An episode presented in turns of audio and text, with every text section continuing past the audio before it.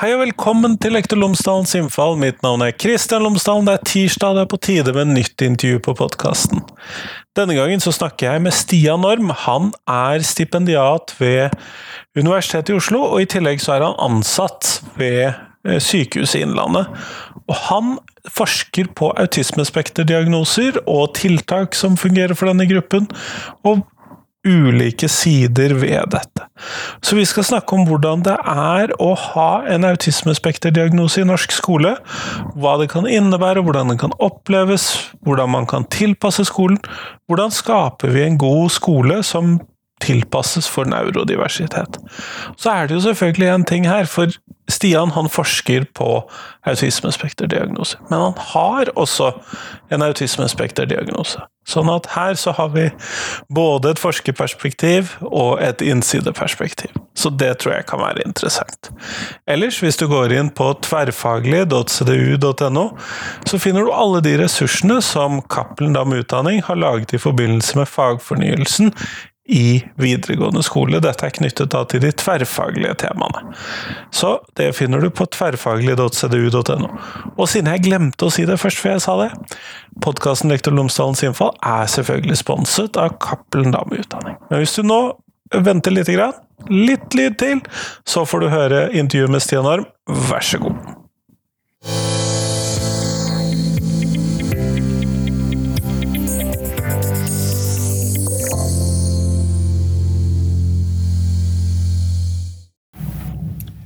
Stian Orm, tusen takk for at du har tatt deg tid til meg i dag. Jo, tusen takk for at jeg har fått eh, invitasjon til å komme. Det er veldig hyggelig. Før vi kommer helt i gang med intervjuet, så hadde jeg håpet at du kunne fortelle lytterne mine tre ting om deg selv, sånn at de kan få bli litt bedre kjent med deg. Ja, Jeg er utdanna med en master i psykologi fra Universitetet i Oslo, med fordypning innenfor nevroutviklingsforstyrrelser og utviklingspsykologi. Eh, og nå bor jeg og jobber på Lillehammer, på sykehuset i Lillehammer, med, hvor jeg holder på med en doktorgrad i psykologi eh, på nevroutviklingsforstyrrelser, spesielt autisme og ADHD.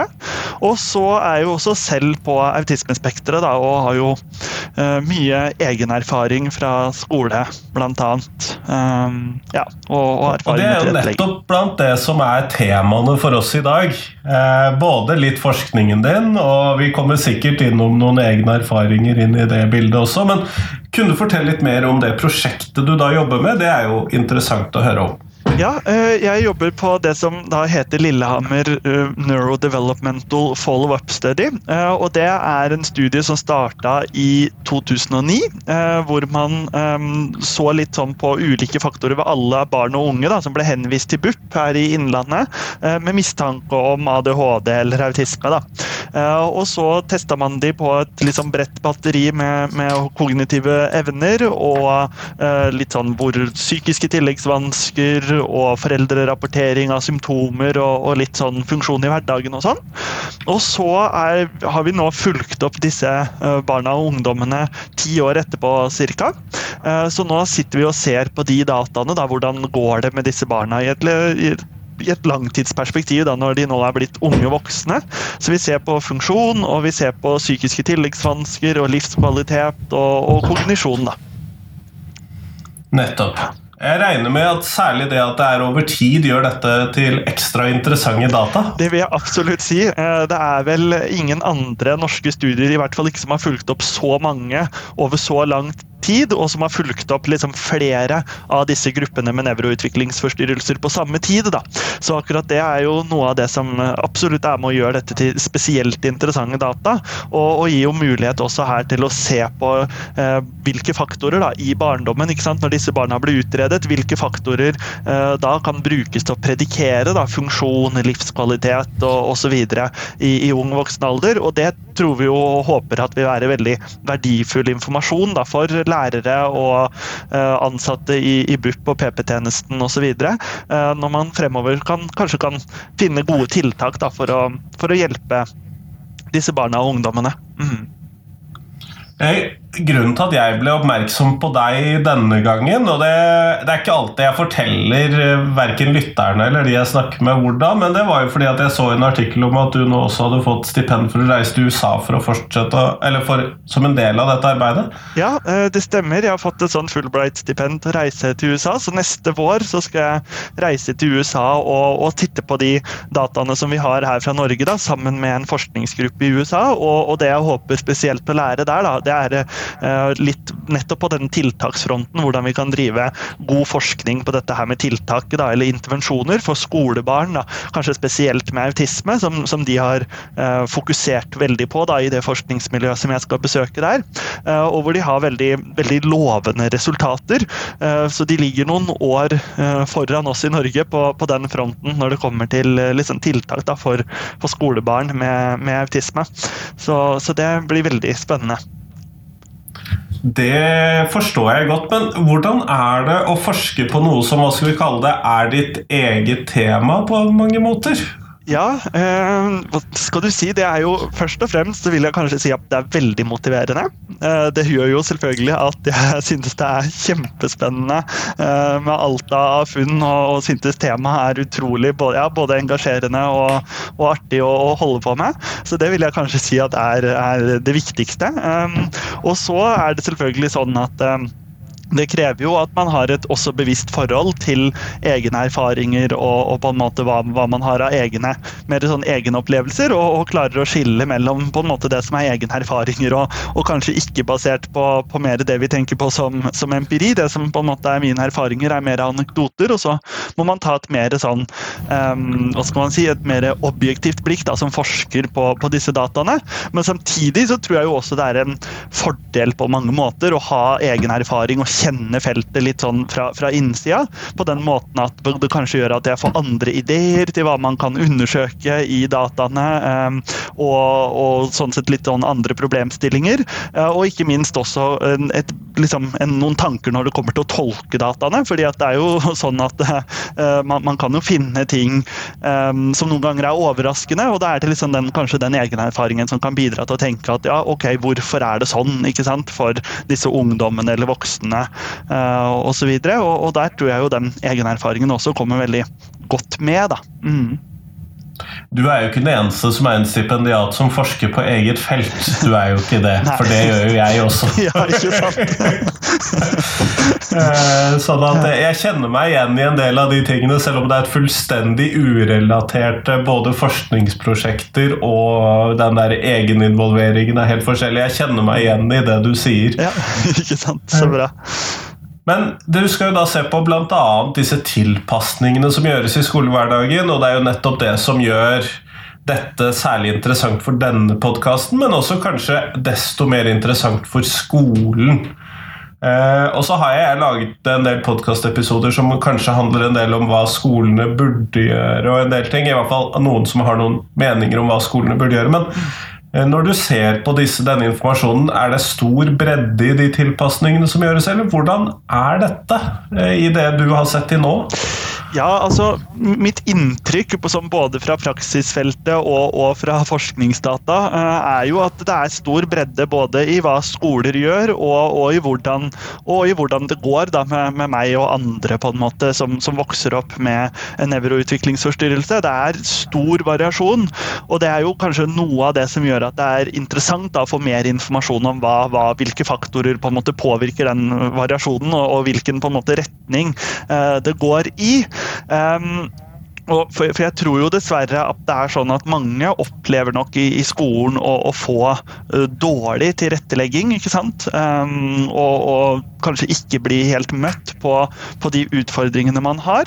Um, litt sånn som kanskje mange av de tidligere gjestene har sagt om alt man bør gjøre, men som kanskje ikke gjøres, da, dessverre. Uh, som er en utfordring. Um, og, og, noe av det som vi har sett mye på, på i vårt materiale, er jo det som handler om uh, det som kalles eksekutive funksjoner, altså de kognitive funksjonene som er sentrale i litt mer sånn målrettet atferd. Altså når man setter seg et mål, skal planlegge for å nå det målet. Litt sånn problemløsningsferdigheter, selvregulering. Altså den type ferdigheter, eh, eller kognitive ferdigheter. Så, så ser vi jo at det er ganske sentralt. Det er viktig for hvordan det går med disse barna og ungdommene senere i livet. Samtidig så vet vi at de færreste skoler har um, på en måte undervisningsopplegg som, som uh, i hvert fall direkte da, uh, tar og, og, stimulerer den type ferdigheter. Uh, selv om det finnes igjen, det finnes undervisningsopplegg og, og, andre typer tiltak for barn og unge med nevroutviklingsforstyrrelser som bidrar da, til å, å, fremme disse eksekutive funksjonene, men benyttes kanskje ikke i skolen i dag. da. Nettopp, nettopp. Men Har du noen tanker om hvorfor disse ikke benyttes? Um, ja, altså det, det, tror jeg er eh, mange faktorer som bidrar til det. Jeg tror én ting er litt sånn mangel på kunnskap. At det er, eh, det er generelt lite kunnskap om nevroutviklingsforstyrrelser i skolen. Jeg, jeg har jo erfaringer selv fra den gangen jeg var, var, barn, at da var det veldig lite kunnskap. Og, og det var, var, ikke mange lærere som, som kjente til autismespekterdiagnoser den gangen, f.eks. Og, og inntrykket mitt fra, fra, den kontakten jeg har med praksisfeltet også i dag, da når jeg er rundt og holder foredrag osv., er at uh, tilstanden er ikke så veldig mye bedre. Det har liksom gått uh, eh, 15-20 år siden den gangen jeg var, var i barneskolen og, og ble utreda, men allikevel så, så har ikke kunnskapen blitt så mye bedre. Så det tror jeg jo kanskje er, er det på en måte viktigste, eh, og viktigste faktoren. Eh, og så tror jeg jo også at det handler litt om på en måte hva, hva man legger vekt på i, i, skolen. At læreplanene og, og på en måte altså det, det standard som, som, barn og unge skal lære, det, det fokuserer på, på, skolefagene. Eh, og så har man, i hvert fall ikke hittil, kanskje hatt stort nok fokus på, på mer de bakenforliggende ferdighetene. Altså de kognitive, sosiale, emosjonelle emosjonelle ferdighetene som, som, lager et viktig fundament da, for å lære seg skolefag. Um, og det tror jeg jo kanskje også er på en måte noe av, noe av utfordringen. Da, at uh, lærere, forståelig nok, sant, har en uh, lang utdanning med mye fokus på, på fag. Det er uh, mer fag enn en pedagogikk sånn, sånn i alt. Og, og, det gjør at man, man fokuserer på, på, hvordan man skal lære bort de fagene. Og så er det kanskje ekstra viktig da, for, for den gruppen med barn og unge med nevroutviklingsforstyrrelser å få stimulering eller tiltak i retning av det som er litt ekstra utfordrende når det kommer til det fundamentet, da, når det kommer til de kognitive og, og sosiale ferdighetene. Um, så jeg tror jo at det på en måte kanskje er litt sånn todelt. liksom Mangel på kompetanse i, i, på disse nevroutviklingsforstyrrelsene. Og, uh, og læreplaner og, og, andre føringer som gjør at man, man legger vekt på, på, skolefaglige ferdigheter i mer tradisjonell forstand. da. Mm. Ja, og det er jo noe jeg kjenner meg igjen i, og jeg må jo innrømme det at jeg har en antakelse om at skolen blir stadig mer læreplanfokusert jo høyere opp vi kommer i alderssiden. Ja, ikke sant. Det, det, det, det, høres ut som kan stemme, i hvert fall med, med min, min, erfaring også, mitt inntrykk. Så, så, tror jeg absolutt det er sånn. Men eh, hvis vi da skulle møte fordi at dette, Du sier at dette handler jo da om hvordan man møter disse elevene det gjelder. Og så vil jeg vel tro at du ser et visst overlapp mellom ulike problemstillinger i det datamaterialet. At man kanskje har tilleggsutfordringer? Abs er det noe jeg kan anta? Ja, altså absolutt. Altså dette, det er jo sånn at med, med, begge de to gruppene som vi fokuserer på, både altså barn og unge med, med autismespekterdiagnoser og barn og unge med ADHD, så er det jo sånn at det, det, ene er selvfølgelig at det er ganske stort overlapp mellom de to tingene. Så veldig mange av de som har um, enten ADHD eller en autismespekterdiagnose, vil også ha, ha, det andre. ikke sant? Så det er et betydelig overlapp der. Og om ikke man får begge diagnosene, så er det i hvert fall et betydelig overlapp når man ser på mer sånn symptomer symptomer. Så veldig mange innenfor autismespekteret vil ha mye ADHD-symptomer. Mange med ADHD vil ha mye autismesymptomer. Eh, og ikke minst så er det jo sånn at over halvparten av alle disse barna og unge, ungdommene i disse gruppene opplever jo også psykiske tilleggsvansker, mer som i angst og, og depresjon og, og, den type eh, lidelser. Og det er jo på sett og vis en litt sånn et trist faktum, fordi at vi vet jo at den type psykiske lidelser er jo ikke en nødvendig del av det å ha autisme, eller en nødvendig del av det å ha ADHD. Det er jo tilleggsvansker som kanskje er utløst mer av, av stress, frustrasjon ikke sant? Og, og negative eh, hendelser, da, og kanskje dårlig tilrettelegging i, i, skole og hverdagsliv. Så det er jo ting som i aller aller høyeste grad kunne vært både forebygd og, eh, og behandla, men hvor vi ser at det, det, kanskje rett og slett ikke skjer. Da. For det vi ser i vårt eh, materiale, er jo at både unge voksne med ADHD og unge voksne med autisme rapporterer jo fortsatt veldig høye øh, nivåer av, av, psykiske tilleggsvansker. Både på angst og depresjon, men også mer sånn atferdsvansker. Øh, også i ung voksen alder. da. Og dette kan vel kanskje være med på hva skal vi kalle det, fremme dårligere livskvalitet over tid for disse? Absolutt. ikke sant? Det er faktisk en av de tingene vi, vi sitter og ser på i disse dager. er akkurat dette her, Hvilke faktorer bidrar til å, å, å redusere livskvaliteten? Uh, og Der ser vi akkurat det. At det er, ikke, det er ikke det å ha autisme eller det å ha ADHD i seg selv som bidrar til redusert livskvalitet i ung voksen alder, men det er nettopp disse tilleggsvanskene. ikke sant? Så Det er angst- og depresjonsvansker spesielt som vi ser at trer frem da, og, og, og, bidrar til nettopp det å, redusere livskvaliteten. Da. Og det, det er jo utrolig trist, rett og slett. Eh, og, og, det er jo igjen litt eh, for å hoppe tilbake til det, det jeg skal nettopp i, i, USA til neste år, så, så, er det jo nettopp det som de holder på med i den laben, er jo bl.a. veldig effektive intervensjoner eller tiltak da, for å behandle angst og depresjon hos eh, skolebarn med autisme f.eks. Og det tror jeg altså er så viktig, fordi, nettopp fordi at disse angst- og depresjonsplagene ofte vedvarer over tid. Barn og ungdom med, innenfor autismespekteret med ADHD får ikke behandling behandling for disse angst- og depresjonsplagene i dag. Og det bidrar da ikke sant, til å redusere livskvaliteten i et sånt langtidsperspektiv. Da.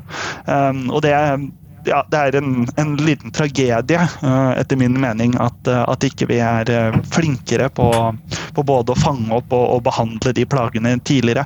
Det er så unødvendig at, at, mange barn og unge skal gå med den type utfordringer i årevis uten å få behandling, og, og sånn sett da også opplever dårligere livskvalitet i, i ung voksen alder pga. det. da.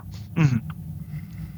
Men, eh, og jeg har jo vært på litt for mye kurs med ADHD-foreningen, hører jeg, når jeg skal formulere mitt neste spørsmål her. fordi at eh, de sier jo at har du møtt én med ADHD, så har du møtt én med ADHD. Ja.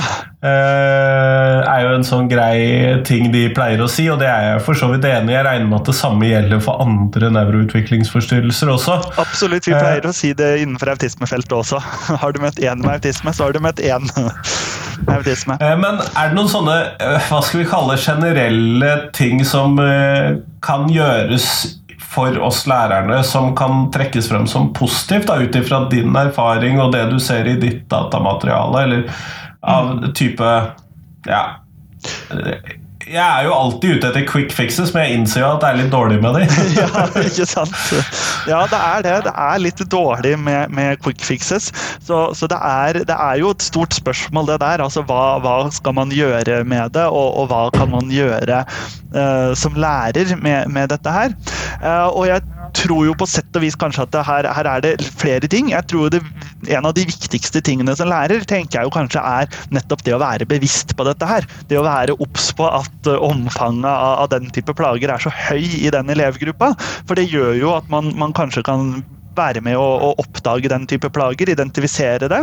Um, og også kanskje at man kan være på en måte en, en del av, av, løsningen ved at man, man blir obs på hvordan tilrettelegging som, som det barnet eller den ungdommen trenger. Da. For jeg tror jo det i mange tilfeller vil være litt individuelt. Og så er det jo sånne type nøkkelferdigheter da, som man kan jobbe med i et litt mer sånn forebyggingsperspektiv. Og der er det jo gjort lite på nevroutviklingsfeltet foreløpig, men, men, hvis man bygger litt mer på, på det vi vet fra, fra psykisk helsefeltet sånn ellers, så vet vi jo f.eks. at sant, dette med Emosjonsregulering, altså utfordring med emosjonsregulering, er jo noe som går igjen på tvers både av nevroutviklingsforstyrrelsene, men også når det kommer til plager med angst og, og depresjon og, og, den type ting. Så jeg tror jo at det tror, mener jeg jo er et tema som burde vært inn i skolen fra, fra tidlig av. ikke sant? Det å um, hjelpe barn rett og slett å bygge gode emosjonsreguleringsferdigheter. For der er det jo litt sånn at emosjonsreguleringsferdigheter er jo i stor grad kognitive ferdigheter. Eh, de kan jo læres bort og, og, og stimuleres på, på, lik linje med veldig mange andre skolefaglige ferdigheter, egentlig. Eh, så, så, jeg skulle jo eh, ønske meg at det var noe om emosjonsregulering i, i læreplanene. Så, og at man kunne jobbe mer systematisk med det. Da, for alle barn og unge, men, men spesielt kanskje da, for, for den, den, gruppa her. Og da handler jo det kanskje mye om nettopp det å, å samtale om den type temaer. Altså det å stimulere til, til rett og slett å snakke om når man har det, uh, har det litt dårlig på, på innsida, og uh, ikke minst hvordan, hvordan, på en måte man kan eh, regulere emosjoner. Da. Snakke om strategier for å regulere emosjoner. Hva kan man gjøre når man merker at man blir litt lei seg? Kan man oppsøke en venn, finne på noe morsomt? Altså, hvilke strategier har man? Kan man tenke på, på utfordringer på en annen måte osv.? Der tror jeg jo vi har mye å hente på, på å ha mer altså systematisk opplæring på, på den type ferdigheter. Da. I tillegg til selvfølgelig bare den generelle bevisstheten og, og tilretteleggingen. Da. Mm. Men det høres ut som det du beskriver der, i det store og det hele antagelig ville være positivt også for hva skal vi kalle det, den gjengse eller den neurotypiske eleven? Da. Absolutt, jeg tror, tror, helt klart det. Jeg tror veldig mange av de tiltakene som kan hjelpe elever med, med nevroutviklingsforstyrrelser, altså det å ha litt mer struktur og, og oversikt i skolehverdagen, det å, å, snakke mer om emosjonsregulering og, og, stimulere mer den type ferdigheter, det, jeg tror jo det er ting som i aller, aller høyeste grad vil komme alle elever til gode, og som kanskje forhåpentligvis da vil komme litt ekstra til gode, eh, den, den elevgruppa med, med nevroutviklingsforstyrrelser. Mm. Men, eh, men, jeg tror ikke, det vil ikke være en eneste elev som vil ha noe vondt av den type, den type opplæring. Det er jeg ganske sikker på. Det kan være ganske brysomt å skulle snakke om følelsene sine, da. Ja, det kan være litt brysomt. Ja, absolutt. Det, det, kan være brysomt. Det har jeg erfaring med selv også. Jeg fikk jo den, den type opplæring i, i, skolen, faktisk, en gang i tiden. Og, og jeg syntes ikke bare det var morsomt og fint, det skal sies. Det, det var brysomt og, og uh, også. ja. Men det handler kanskje om at man må stå litt i det?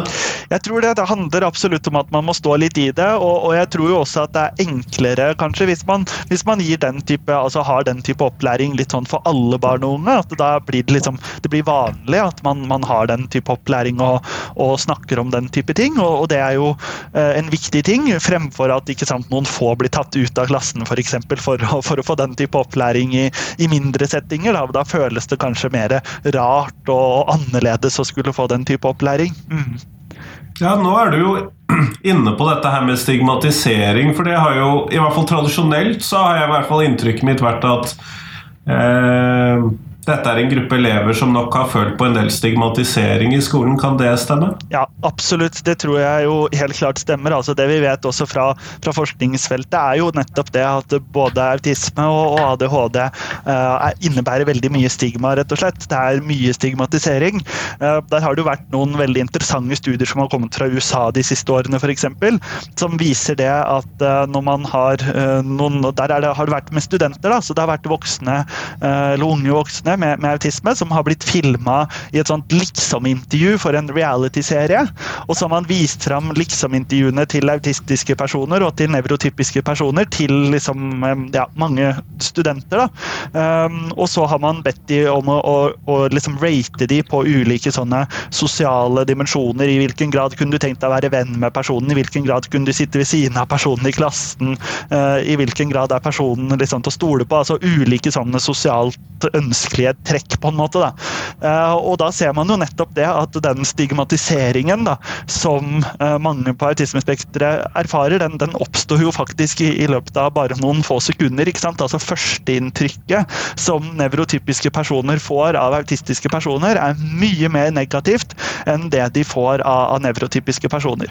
Så, så nevrotypiske personer har mindre lyst til å sitte ved siden av en eh, autist i klassen. De har mindre lyst til å bli venn med en autist osv. Basert på veldig veldig korte videoopptak av personen enn det de har på en måte av andre med andre nevrotypiske personer.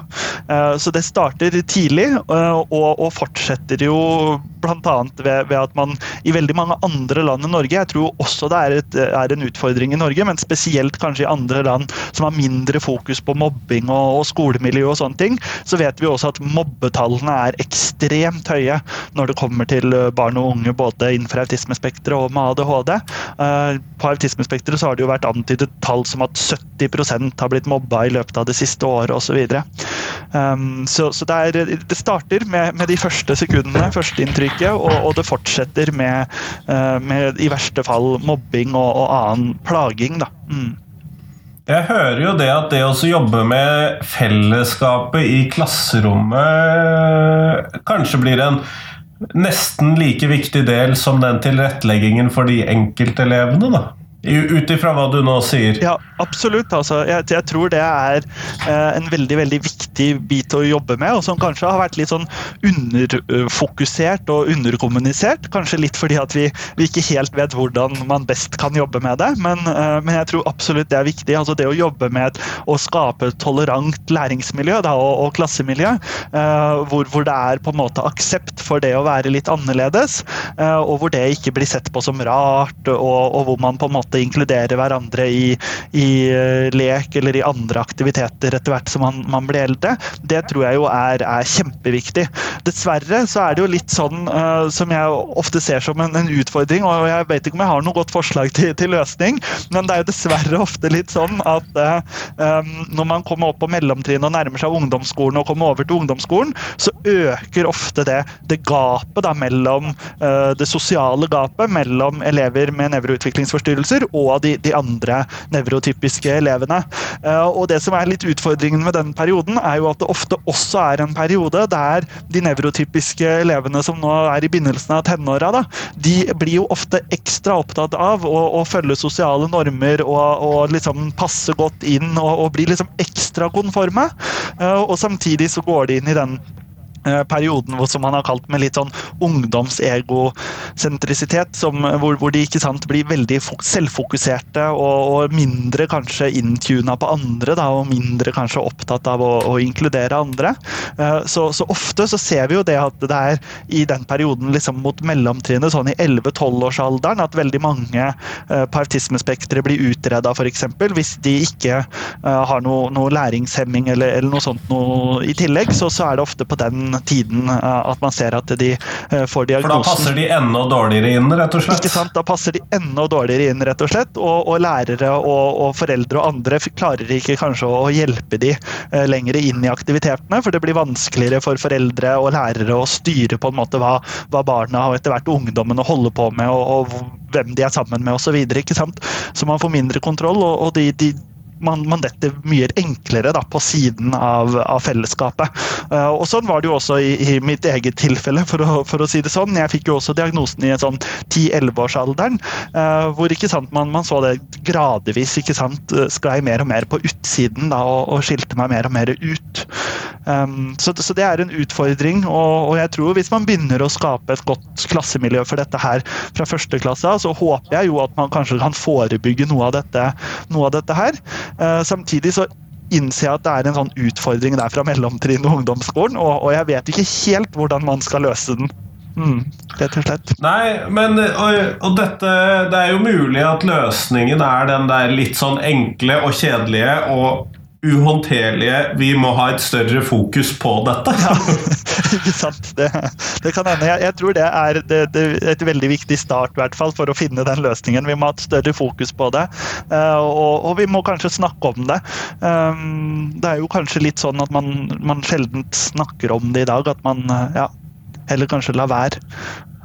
Men jeg har lyst til å stille deg potensielt det vanskeligste spørsmålet man kan stille en stipendiat som er litt sånn midt i prosessen. Ja.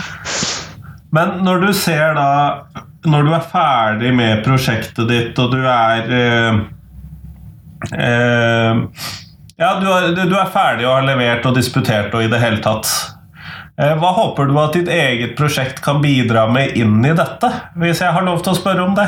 Ja, eh, ja. Det, det, er jo et vanskelig spørsmål når man er sånn, eh, sånn midt i prosessen. Men det jeg håper at, at, mitt prosjekt kan bidra med inn i dette, er kanskje nettopp det å, å, å, klare å identifisere noen faktorer da, uh, i, i, barndommen og ungdomsåra som, som, er med og på en måte predikerer da, hvordan det går um, i ung voksen alder. Kanskje spesielt når det kommer til livskvalitet og, og på en måte funksjon da, i, i, hverdagen.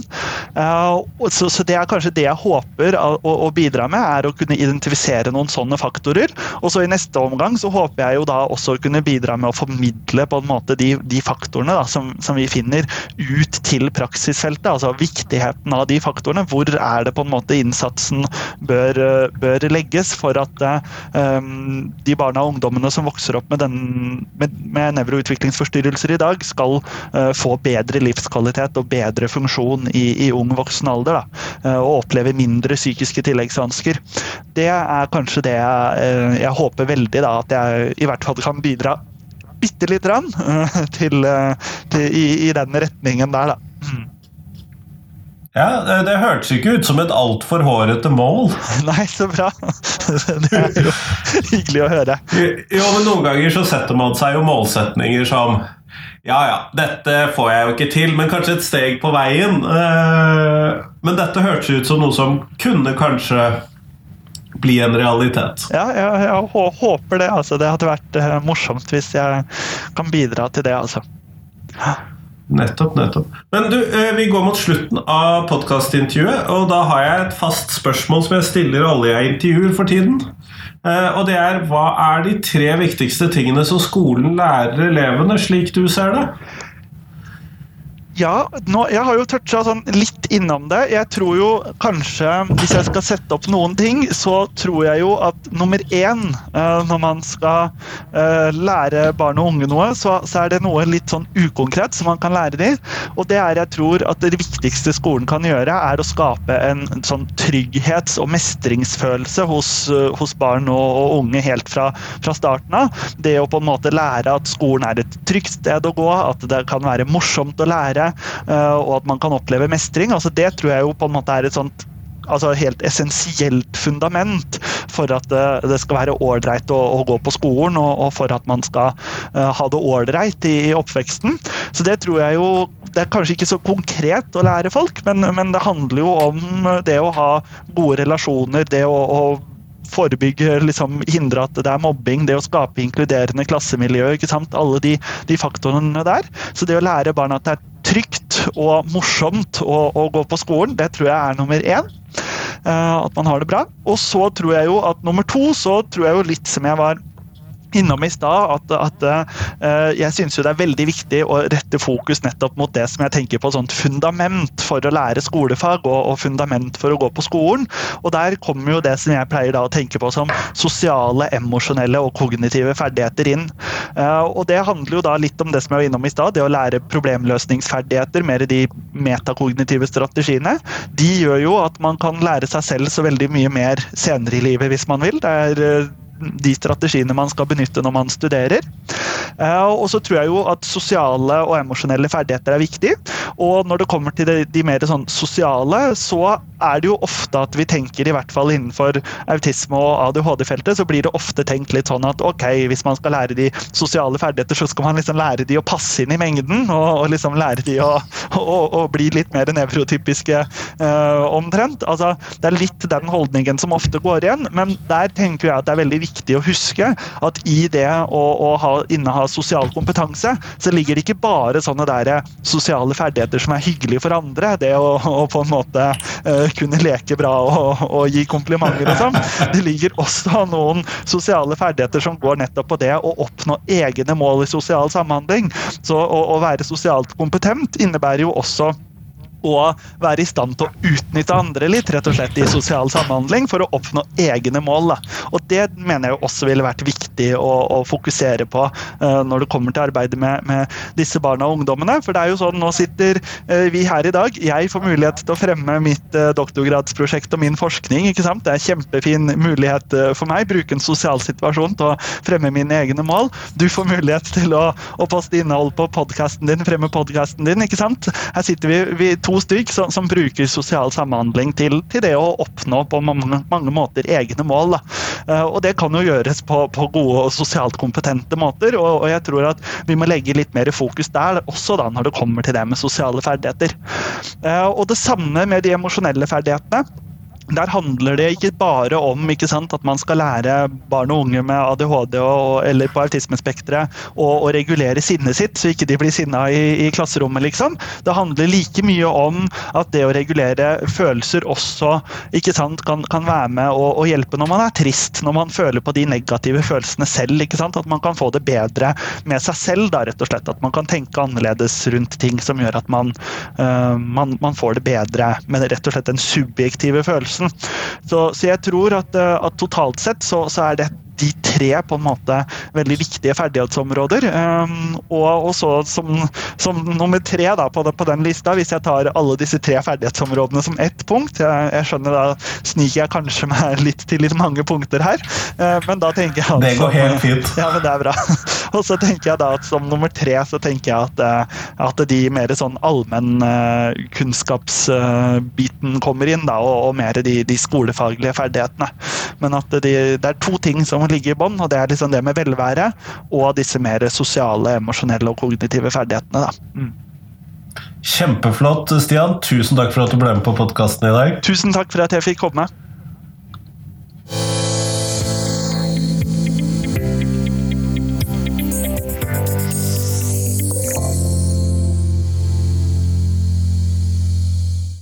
Tusen takk til Stian, og tusen takk til deg som hørte på. Nå er det en uke igjen til neste nye episode på podkasten, men selvfølgelig allerede på fredag så kan du nyte en reprise. Det er jo selvfølgelig en gammel eh, gullepisode. En uh, oldie but goldie. Uh, Foreløpig så jobber jeg meg jo gjennom de episodene fra 2017, som jeg tenker at disse må jo du høre. Eller har jeg kommet til 2018? Det finner vi ut av. Det finner vi ut av. Eh, jeg har ikke alltid helt oversikt over hva jeg gjør på podkasten. Jeg gjør veldig mye rart. Jeg syns det er veldig gøy. Jeg håper du setter pris på det. Og jeg trenger som alltid nye tips til hvem jeg skal intervjue på podkasten. Så send meg dine tips til temaer, personer, et eller annet som du vil ha på podkasten. Kanskje du vil ha en live-episode? Hva vet jeg? Inviter meg til konferansen din, så kanskje jeg kommer. Det finner vi ut av. Jeg prøver. Men nå, nå skal du få uken for deg selv. Hei, hei.